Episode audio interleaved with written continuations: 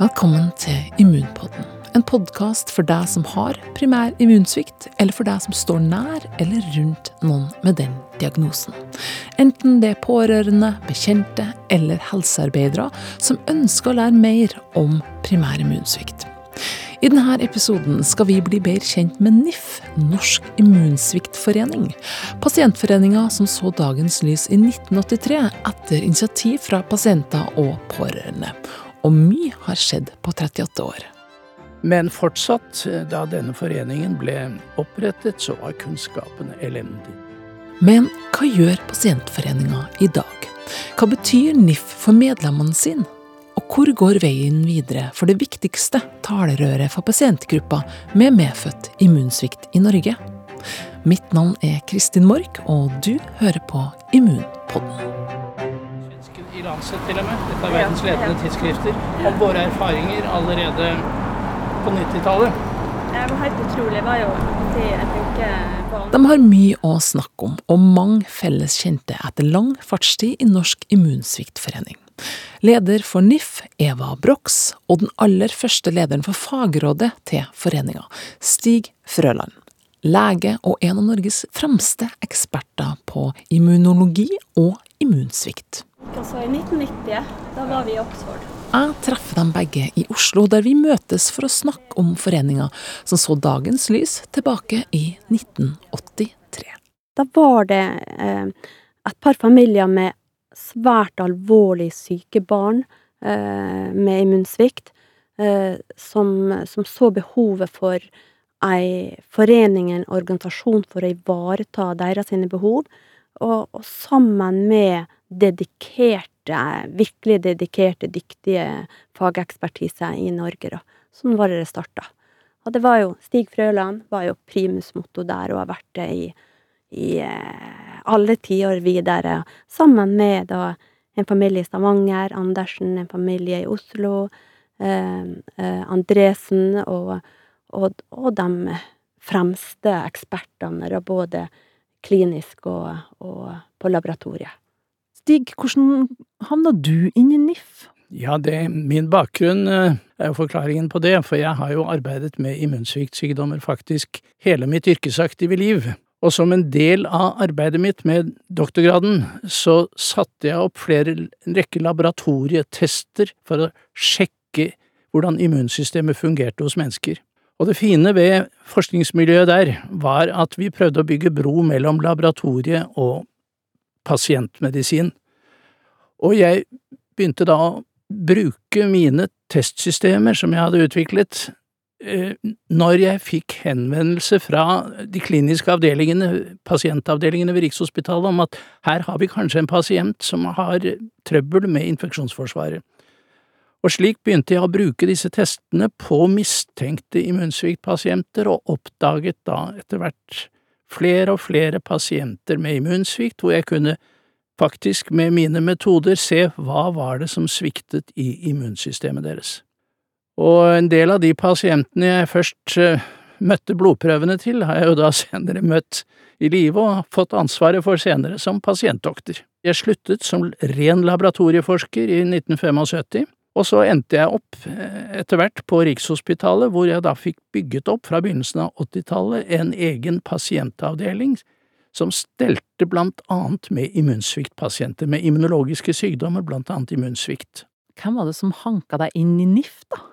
Den som da ble kontaktet først, det var jo Ove Melby, som fortsatt var overlege på, på laboratoriet. Og han kjente jo jeg meget godt, og han visste jo at det var jeg som hadde arbeidet med immunsvikt der, så han sørget da for at jeg Jeg tror i hvert fall at det var han som sørget for at jeg der ble kontaktet, og senere var knyttet til Immunsviktforeningen. Og det her gjennom det såkalte fagrådet? Ja, jeg har vært i en årrekke da leder av fagrådet ved Immunsviktforeningen. Eva, hva er et fagråd for noen ting? Det er en viktig støtte til foreninga, der vi har de medisinskfaglige kompetansene som ivaretar vår gruppe, enten det er, er leger, det kan være laboratoriepersoner, og de fagkompetansene som ivaretar ja, oppfølging av pasientgrupper som har medfødt immunsviktsykdommer. Hvordan var kunnskapsnivået for 40-30 år siden rundt um, primær immunsvikt? Ja, det var elendig, for å si det mildt. Ehm, nå skal vi huske at de første immunsviktdiagnosene, altså pasientene, ble oppdaget så sent som i 1950-årene. Så det er ikke i veldig, veldig mange år legevitenskapen har kjent til at det var medfødte immunsviktsykdommer som ga alvorlige infeksjonsproblemer, blant annet. Men fortsatt, da denne foreningen ble opprettet, så var kunnskapene elendige. Det ble ikke gitt noen undervisning i det medisinske studiet om immunsvikt, for eksempel. Jeg hørte jo ikke noe som helst om det da jeg studerte medisin. Og øh, legene visste så å si ingenting, og, øh, og det fikk jo konsekvenser, for disse pasientene ble ikke oppdaget. Nå skal man ikke forlange at en vanlig fastlege skal kunne dette er spesialisert medisin, kompliserte greier. Immunsystemet er et komplisert uh, system, det, og pasi pasientleger, vanlige leger som ikke er superspesialister på dette, kan ikke forventes å kunne mye om det, men jeg tror det er viktig at man vet at det er noe som heter immunsvikt, og at det kan gi spesielle problemer med stadige infeksjoner og alvorlige infeksjoner og så videre, så det viktigste er at fastleger i hvert fall kan oppdage, ha en teft og ane når det kan tenkes å være immunsvikt, og så må, skal man henvise pasientene videre eh, til spesialister og de få avdelingene i landet som virkelig kan dette her. Men eh, på det, det daværende tidspunkt så, så, så, var faktisk ikke helt denne, denne grunnkunnskapen til stede en gang, slik at eh, vi så at pasienter kunne gå fra doktor til doktor med sine problemer, fortelle at jeg får stadig infeksjoner, jeg får spesielle rare infeksjoner, alt sånn som vi kan se ved immunsvikt, uten at det eh, gikk opp et lys for, for legene. Så det var et enormt informasjonsbehov til helsevesenet, også på dette tidspunkt. Så det var en veldig utfordring blant annet Immunsviktforeningen sto overfor da. Mm. Hvordan jobba dere da for å få ut informasjon før internett? Eh, hva, hvordan jobba dere da? Ja, allerede fra min laboratorietid på, på Rikshospitalet, altså før 75, så snakket jeg på, så holdt vi kurser for norske leger, videre- og etterutdannelseskurser om forskjellige typer immunologiske sykdommer, og der snakket jeg alltid også om immunsvikt. Eh, så der startet vi faktisk eh, det, det undervisningsarbeid som egentlig burde vært gjort på universitetet. Og senere, da jeg ble sjef på immunseksjonen på, på Rikshospitalet, så Eh, hadde jeg forelesninger for studentene, jeg har vært professor i mange år, og eh, da pleide jeg alltid for studentene i slutten av studiet å presentere pasienter med immunsvikt, ta frem pasientene i store klinikker hvor hele kullet satt, og snakket da åpent med pasienten om problemene, og så etter hvert så snakket jeg da generelt om immunsvikt på bakgrunn av den pasienten studenten hadde sett, for å, for å vise dem at dette er praktisk medisin, sånn at de som nå reiste ut som ferske leger, kanskje, og, og det tror jeg har fungert, skulle ha hørt om immunsvikt, og det skulle ringe en bjelle hvis de selv kom borti dette her. Det er klart at mange, pasient, mange leger vil gå gjennom mesteparten av sin, sitt yrkesaktive liv uten å bli møte virkelig alvorlige munnsvikttilstander, men eh, det gjelder at de pasientene som er der ute, blir oppdaget, og som sagt, jeg la vekt på det i studentundervisningen.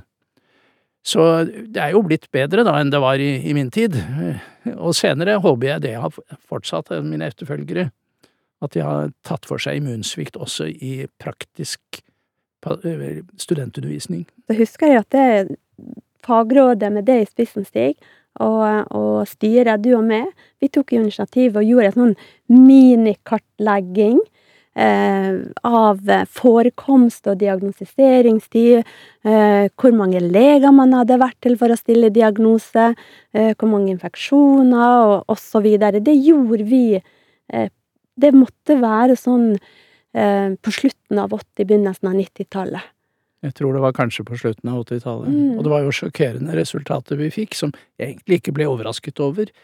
Pasienter hadde vært hos mellom 10 og 20 leger før noen fant på å ta en enkel blodprøve for å påvise at de for eksempel hadde for lite gammaglobuliner i blod.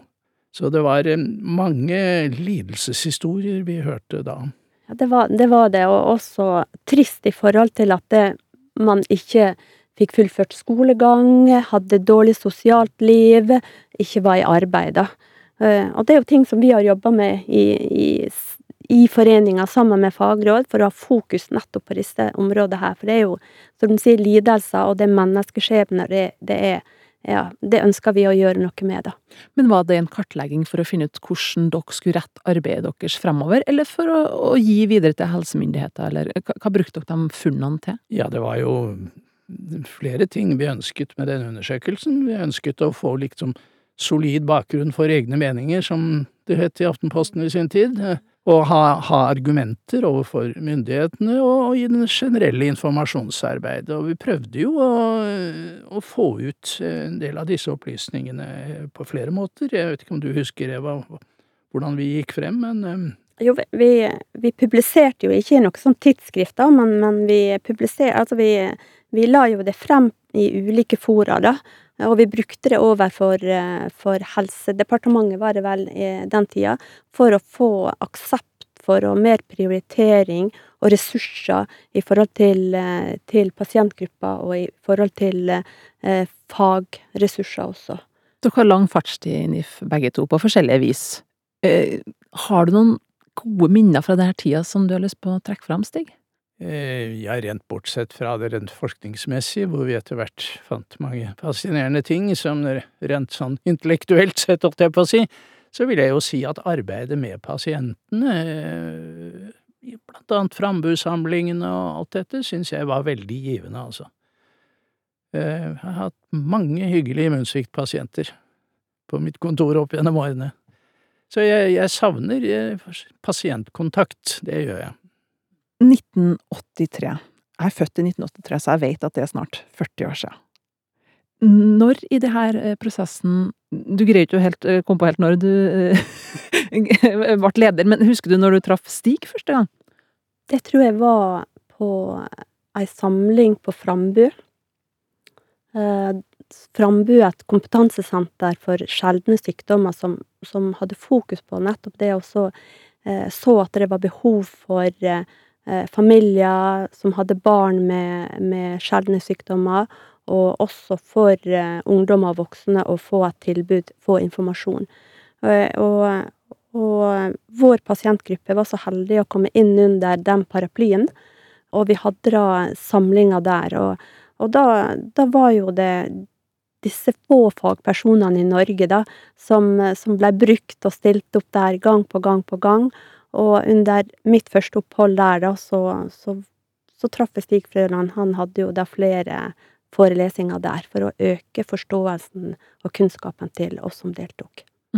Så du har vært en del på Frambu, Stig? Ja da, det var jo årlige samlinger der, og, over noen dager, og jeg var med i en årrekke der, og som Eva sa, så hadde jeg dels, eh, jeg holdt på å si prekener, forelesninger om immunsvikt eh, rettet til pasientene og deres pårørende, men i tillegg så, så hadde vi fin et fint opplegg der, for eh, hver enkelt pasient kunne eventuelt be om å få snakke med meg, så jeg, jeg fikk da tatt for meg én og én pasient eh, på tomannshånd eller med pårørende, og gå gjennom deres personlige, spesielle problemer.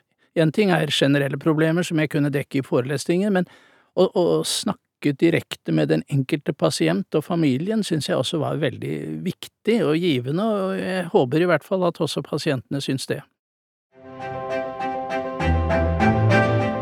Og en av dem som har gode minner fra opphold på Frambu, er Arne Østby. Arne, Ja, hei sann, det er Kristin. Hei. Hei. Arne bor til daglig i Trysil, men har sagt seg villig til å møte meg i Oppdal. Nesten på halvveien mellom Trondheim og Trysil. Du, så kjekt at du vil treffe meg. Ja. Er greit. Arne er en av flere som har vokst opp i NIF. Men la oss spore tilbake til hvorfor Arne ble medlem i NIF i utgangspunktet. Nei, det var da navlen ikke ville grå som han skulle. Da skjønte de at her er noe galt, så da opererte de den. Og så var det da? Nei, er, det er jeg litt usikker på, men rundt et halvt år kanskje. Ikke det engang. Og så var jeg mye pjusk, rett og slett. Og så tok de noen blodprøver og i Elverum, der jeg hører til på sjukehus. Og fant ikke ut noe galt. Og så hadde de De lette jo, da, land og strand. Både inne og ute, etter noen som kanskje kunne finne ut det her. Så da var det en lege i Bergen, og via Ullevål sykehus så ble det sendt eh, blodprøve på Bergen, og da var det en der som hadde så vidt lest litt om det i noe lignende i USA, som stilte den diagnosen jeg har, da. Som er den eneste i, i Norden med min diagnose, så vidt meg bekjent.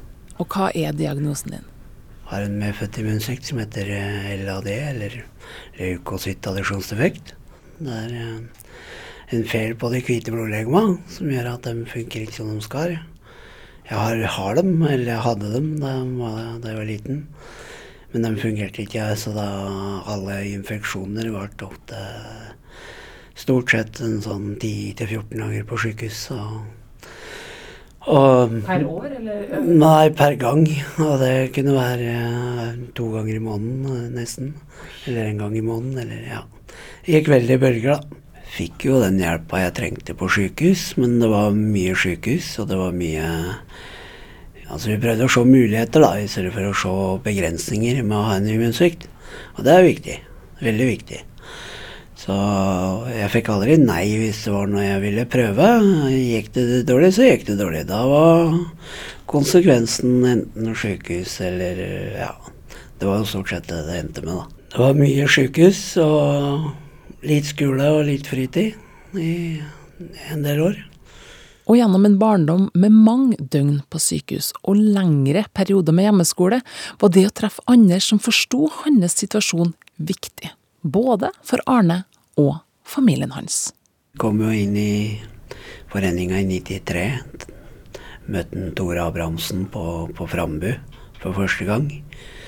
Og det gikk flere år og flere samlinger før diagnosen min kom opp på oversikten sjøl i Norsk immunsviktforening over diagnoser. Så det var jo et spørsmål der og nok i starten på om jeg hører hjemme, eller hvor, hvor, hvor er jeg? Hvor, hvor skal jeg være? Men du var velkommen i NIF? Ja, det var jeg. Veldig velkommen inn i NIF, og, og de tok imot oss med åpne armer. og Det blir jo en familie, egentlig, NIF-en, der du har har andre som forstår, da. Om du ikke har samme diagnose, så har du andre foreldre som forstår hvordan det er å ha kronisk syke unger, eller du er unge sjøl og forstår at det er vanskelig å være kronisk syk unge. For det er ikke bare å, å sette seg inn i det man nesten leves og føles på. Mm, altså, hva tror du har betydd for foreldrene dine å komme inn i en sånn forening? Veldig mye. Jeg er helt sikker på at det har betydd veldig mye. For som sagt, det å møte andre eh, som forstår, og andre du kan spørre om, om både det her med den tidas trygdekontor eller A-etat eller Nav i dag, eller leger og eh, eksperter, da. Vi, vi, har hatt mye foredrag til leger og forskere, og klart kan du stille spørsmål direkte, så får du som regel et svar. Og en forsker han er jo òg der at han vil ha, gi et svar. Så hvis han ikke har det der og da, så kommer han ofte med det etterpå. Så det er jo, det er jo noe med å møte og kunne få lov til å stille spørsmåla på din måte. Og det tror jeg de har gjort veldig mye av. Og, og det er klart, da foreninga ordner til, så er det òg lettere å Og du liksom får noe igjen for å være der, så er det òg lettere å gi noe tilbake. Så fattern har jo sittet i styret i foreninga og, og bidratt der i flere år. Og de har eh, flere av oss, av de foreldra Foreldregenerasjonen min da, de eh, gjorde en brosjyre som ble fordelt utover på sykehus i, i hele landet. Og der var jo mine foreldre en av dem som drev på mye. Jeg husker de styrer fælt med den brosjyra. Den var ikke stor, men uh, det er et viktig arbeid, da, og det er kanskje noe medlemmer kan bidra med. Arne har nærmest vokst opp i NIF. Hvordan barndomsminner har han fra foreninga? Jeg husker vi var på Frambu da flere runder etterpå, og det var jo fantastiske opplegg med assistenter som hadde som gikk i barnehage eller på skole, og gjorde lekser som jeg hadde tatt med fra skolen. For det var jo da skoledag, men spesielle skoledager, da. For vi hadde jo gym hver dag, og vi var i bassenget hver dag. Og var jo oppdelt i alder, da. Så søsknene mine var jo med dem på sin alder, og jeg var med dem på min alder. Og så var det selvfølgelig litt kryssinger på kveldstid i forhold til hva man ønska å gjøre av aktiviteter, men da var jo fortsatt assistenter der for å kunne passe på oss, og foreldra kunne få prate om det de hadde gjort på dagtid da, etter å ha hørt leger og forskere prate om, om det som skjer ute i den verden. Så det var stas å komme til Frambu? Ja, det var det. Det var eh, så veldig fram til det da vi ble vant til å være der. Så det var en stor nedtur da vi, da de, vi skjønte at vi ikke fikk den muligheten lenger til å være der så ofte eller fast. da, For i en periode så var vi der hvert tredje år, og det var varierte vel om det var én eller to uker om gangen, men, men den, den, muligheten å være der eh, så tett på en annen, men kunne ha en normal dag, da, det, det ga mye, tror jeg, for alle. Men så ble du litt eldre. Har du fortsatt kontakt med folk fra NIF? Ja, jeg har kontakt med noen, eh, om ikke helt på sånn daglig, som ujevne mellomrom, som alle andre.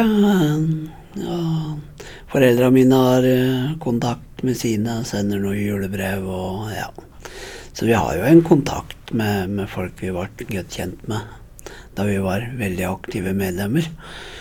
Og det, det blir jo venner. Og det, det skal en ta vare på, for det er kjekt å ha dem til senere. Og, og det, det, gir, det har gitt mye, både særlig, særlig menneskelig, da, og, kunne ha noen som du kan ha kontakt med ellers òg, ikke bare da du møtes fysisk gjennom eh, NIF, men, men hele veien, da.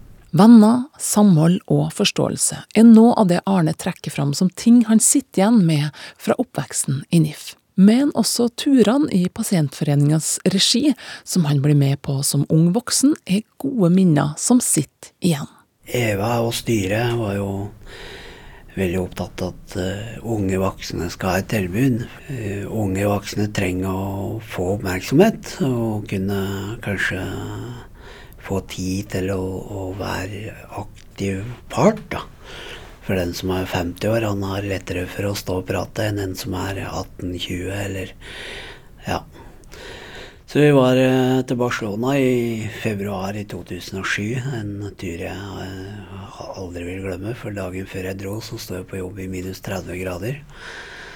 Eh, og frøs i Trysilfjellet på jobb. Og dro til Barcelona og gikk rundt i oppretta olabukse og T-skjorte. Det var helt fantastisk. I tillegg til den gjengen jeg var på tur med, da. Vi var oppe Berlin et par turer, et år eller to etter det igjen.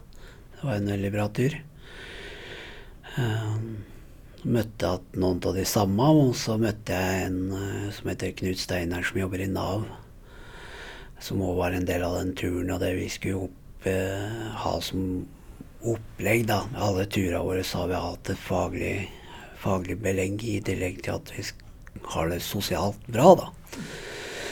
Så Knut Steinar hjertet meg både da og i etterkant, og kom til Trysil på møte med meg med mitt lokale Nav-kontor, og fikk åpne litt øyer der og skjønte at jeg, jeg er en ressurs, selv om jeg har mine vansker. da, Og vi har våre begrensninger på hva vi klarer, da. For det er klart, vi har jo fravær fra skole og har lært en dårlig jobbsøknad, der det er mange sjefer som bare kaster i søpla og ikke tenker at ja, selv om han ikke skriver bra, så kan det være en god ressurs, f.eks. Jeg er veldig glad jeg fikk han inn til å hjelpe meg og bistå meg en periode da.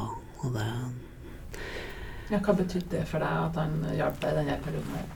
Nei, Det betydde veldig mye, for det var det mye lettere å kunne gå i gang og forstå Nav-regelverket òg. Da du hadde en som faktisk jobba i det, og som, som faktisk jobba med deg og ikke litt mot deg, som mange nok føler at Nav gjør, dessverre. Så da fikk vi jo i gang en prosess. Jeg hadde litt arbeidsutprøving, og så fikk jeg omsider rota meg på et Nav-kurs, og ja. Det ble litt mer sving i, i bøtta. Etter noen år så fikk jeg jo arbeidspraksis på Kiwi, og der har jeg vært fram til nå. For nå er Arne klar for nye utfordringer. Hei, nå I februar begynner jeg på Maxbo etter sju og et halvt år i Kiwi. og Det blir jo en spennende utfordring, det. Litt mer, kanskje enda litt mer fysisk. Men uh, ikke bare Kiwi og dagligvare. En hard bransje. Og nå trenger du ikke være redd for flisfingeren?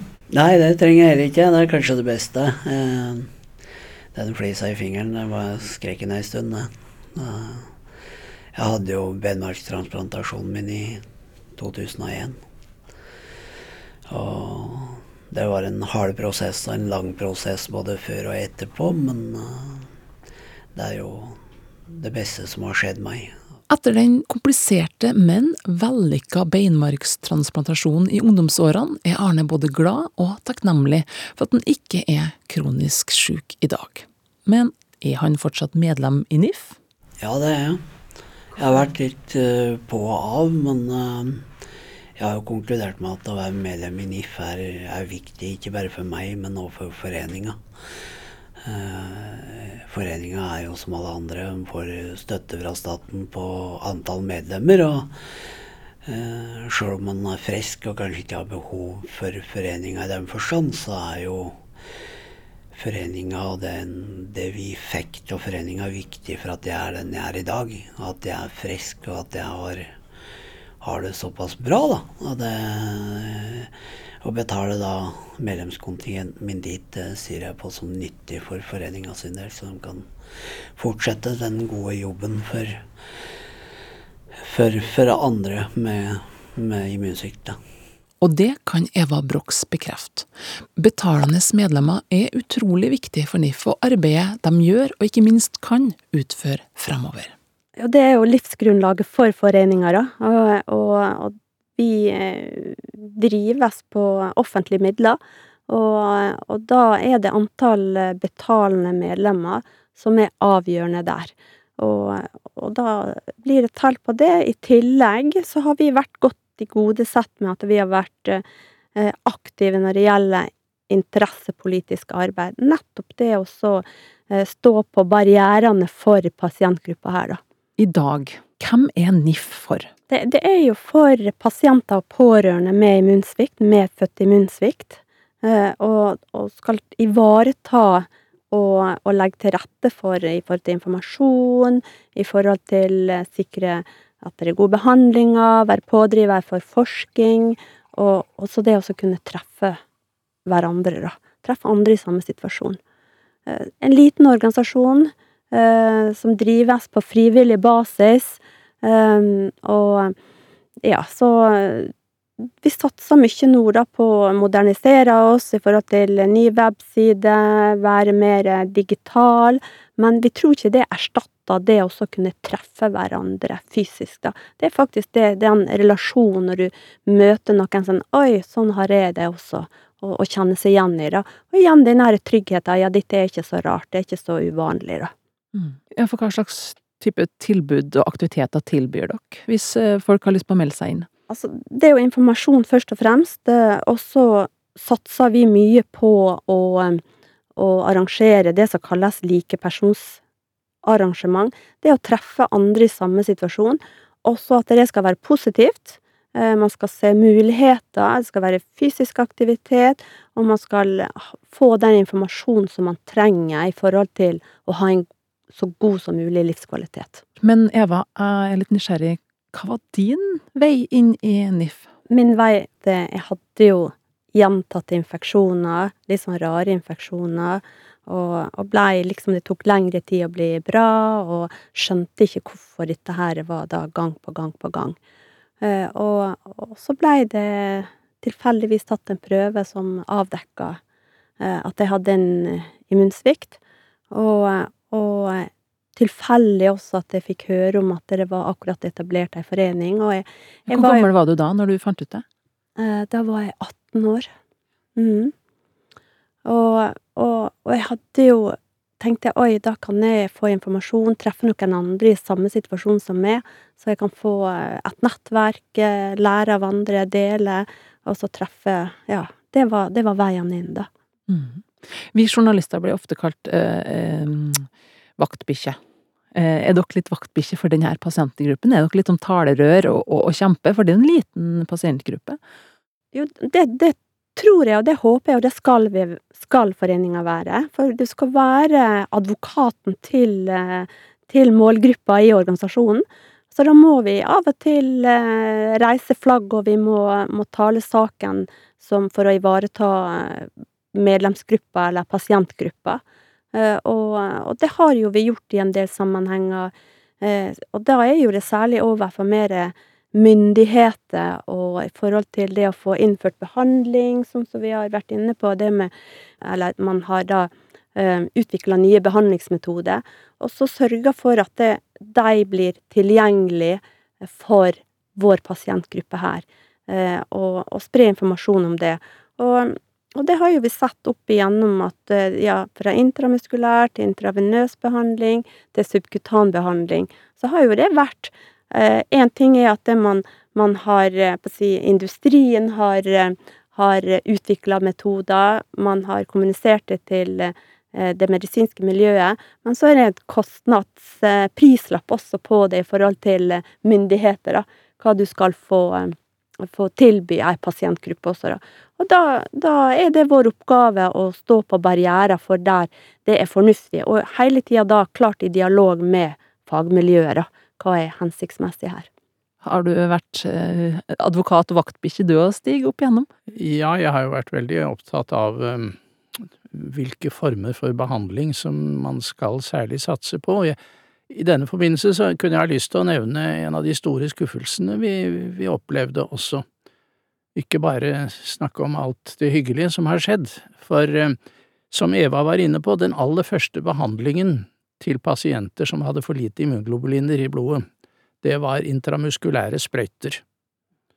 Eh, og det er en sprøyte med et ganske stort volum, veldig smertefullt, og selv om det er store mengder man setter inn, så kan man likevel ikke gi nok immunglobulin, så mange pasienter trenger mye mer, så de ble ikke godt nok behandlet, men de fikk en veldig smertefull behandling.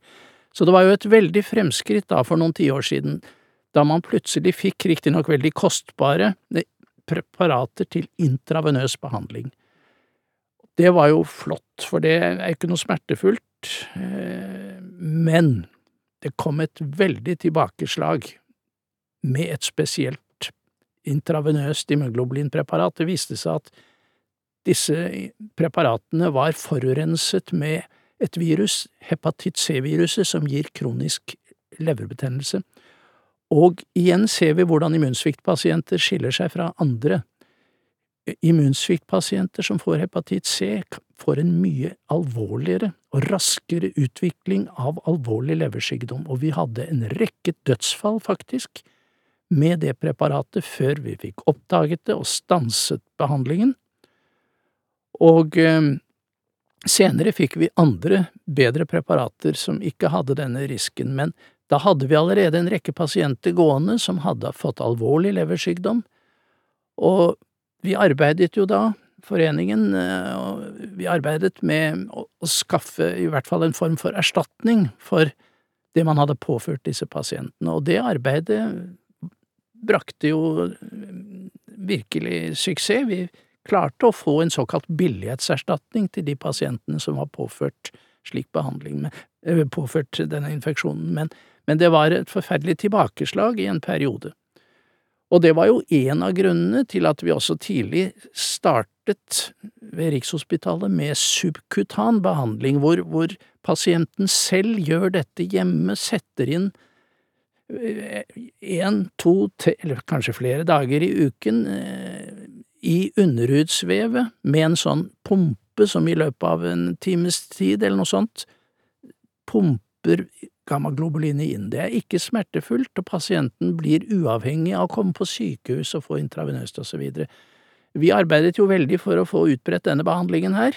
Svenskene eh, hadde startet dette her, men vi fikk også etter hvert svær erfaring med den type behandling, og vi offentliggjorde internasjonalt sammen med svenskene våre, våre erfaringer, og prøvde å påvirke kolleger i andre land også til å ta opp denne behandlingen, men det, det satt langt inne i mange land å, å ta det opp. De, de foretrakk den intravenøse, men i Norge har vi hatt stor suksess med subkutan behandling, men fortsatt er det jo noen som også får det intravenøst, så det er litt ut fra hva pasientene ønsker og hvor mye immunglobulin de må ha. Så det har vært en veldig behandlingsutvikling når det gjaldt immunglobulin, gjelder immunglobulinsubstitusjon til de pasientene som trenger det. Det er jo bare noen immunsviktpasienter som trenger slik behandling, men det er mange, mange av dem. Eva, lang fartstid i NIF. Hva har denne tida gitt deg? Altså, det har jo vært ei fantastisk reise. Eh, jeg vil si fra, fra å se den kunnskapen som er økt, forståelse i forhold til det med medfødt immunsvikt, eh, behandlingene, diagnostisering, mulighetene, og at de som vokser opp i dag, har helt andre forutsetninger til et mer, jeg vil si, normalt, vanlig liv på lik linje med andre, iallfall de aller fleste. Får du behandling, riktig behandling tidlig, eh, så kan veldig mange både fullføre skole, være med på aktiviteter, ta utdanning, i jobb. Og, og det iallfall for meg gir ei sånn Åh, jeg blir så glad når jeg ser at, eh, at vi kan bidra til at andre får det bedre. Og så det å jobbe sammen på tvers av fagmiljøet. Jeg tror det er sånn vi lykkes som et team, da. Mm. Hva ser du for deg veien videre for Norsk immunsviktforening? Jeg tror at eh, som, som, andre organisasjoner i samfunnet, så endrer det seg. Altså, jeg tror nok at det mye mer blir eh, digitalt. Foreninga er viktig, informasjon er viktig. Eh, og så må man finne sin vei, da. Som jeg har sagt, at det, nå må yngre krefter ta over og, og finne sin måte å drive foreninga videre på. Men jeg tror foreninga er viktig for å ivareta pasientgruppa. Stig, du, du er ikke eh, i fagrådet lenger, men hva tenker du er viktig for NIF framover? Nei, det er veldig viktig at um, man stadig også faglig er helt uh, oppdatert her, og har interesserte leger i fagråd videre, for det skjer enormt mye på dette feltet. Moderne molekylærbiologi har altså gitt enorme muligheter når det gjelder eh, immunsviktfaget, og det har vi jo sett bare i de siste år, hvordan man har oppdaget over hundre nye former for immunsvikt ved å bruke moderne molekylærmetodikker. Og det, det går faktisk bare noen måneder mellom hver gang man får påvist en ny form for genetisk svikt i immunsystemet som kan skape problemer. Og her gjelder det å være på hugget, og det skjer jo enormt mye når det gjelder mulighetene for, for behandling. Utover immunglobulinsubstitusjon og det vi bruker nå, så kan moderne genteknologi eh, kanskje gi genbehandling som gjør at vi kan endre de syke genene hos immunsviktpasienten. Det kan gjøres på flere måter. Man kan ta ut pasientens stamceller fra benmarg, det er stamcellene som danner opphavet til immunapparatets celler. Og hvis man tar ut en immunsviktpasients stamceller ved visse former for immunsvikt, så kan man sette inn det genet som mangler der, og sette det tilbake til pasienten, og så formerer de reparerte cellene seg, og så kan man erstatte det syke immunsystemet med et friskt immunsystem. Det er én mulighet. En annen mulighet er igjen å ta ut disse stamcellene fra pasientene, og så kan man redigere arvestoffet DNA-et. Man har fått teknikker som vi kaller genredigeringsteknikker, hvor man kan klippe i DNA-molekylene og fikse det og reparere det, og så setter man det tilbake. Det er flere slike metoder, og her skjer det enormt mye, og det er helt fascinerende medisin. Så jeg tror at om, om eh, ikke veldig mange år så kommer disse metodene til å være blitt standardisert. Det er fortsatt utviklingsarbeid, dette her, men det kommer til å skje veldig mye interessant og morsomt. Og her må jo Immunsviktforeningen, og ikke minst de legene som han er knyttet til, være på hugget hele tiden. Dette er fremtidens medisin. Og også Arne ser at behovet for et fortsatt tett samarbeid mellom kunnskapsrike leger og pasienter er viktig framover. Ikke bare for NIFs medlemmer, men for hele den berørte pasientgruppa. Jeg håper noen tar opp arven etter gode leger. Det er viktig. Vi trenger det òg. Det er alltid noen som vil være syk, og vi trenger folk som vil lære og ha kunnskap om sjeldne diagnoser. Og kunnskapen den ligger hos oss som medlemmer i foreninga og hos leger. Og da må vi samarbeide for at flere får kunnskapen. Det var det vi rakk for denne gangen i Immunpodden. En stor takk til Arne Østby, Eva Brox og Stig Frøland som har bidratt til denne episoden. Immunpodden er tilbake snart, med flere episoder som handler om livet med primær immunsvikt. Ønsker du å lære mer om temaet, kan du besøke nettsidene til Senter for sjeldne diagnoser på www.sjeldnediagnoser.no. Og selvfølgelig på Norsk immunsviktforening sine nettsider immunsvikt.no. Har du forslag til tema vi kan ta opp her i Immunpodden, så hører vi gjerne fra deg på adressen redaksjonen.norge krøllalfa cslbering.com. Jeg gjentar E-postadressen er redaksjon.norge krøllalfa cslbering.com. Mitt navn er Kristin Mork, og jeg vil til slutt takke CSL Bering som gjør denne podkasten mulig.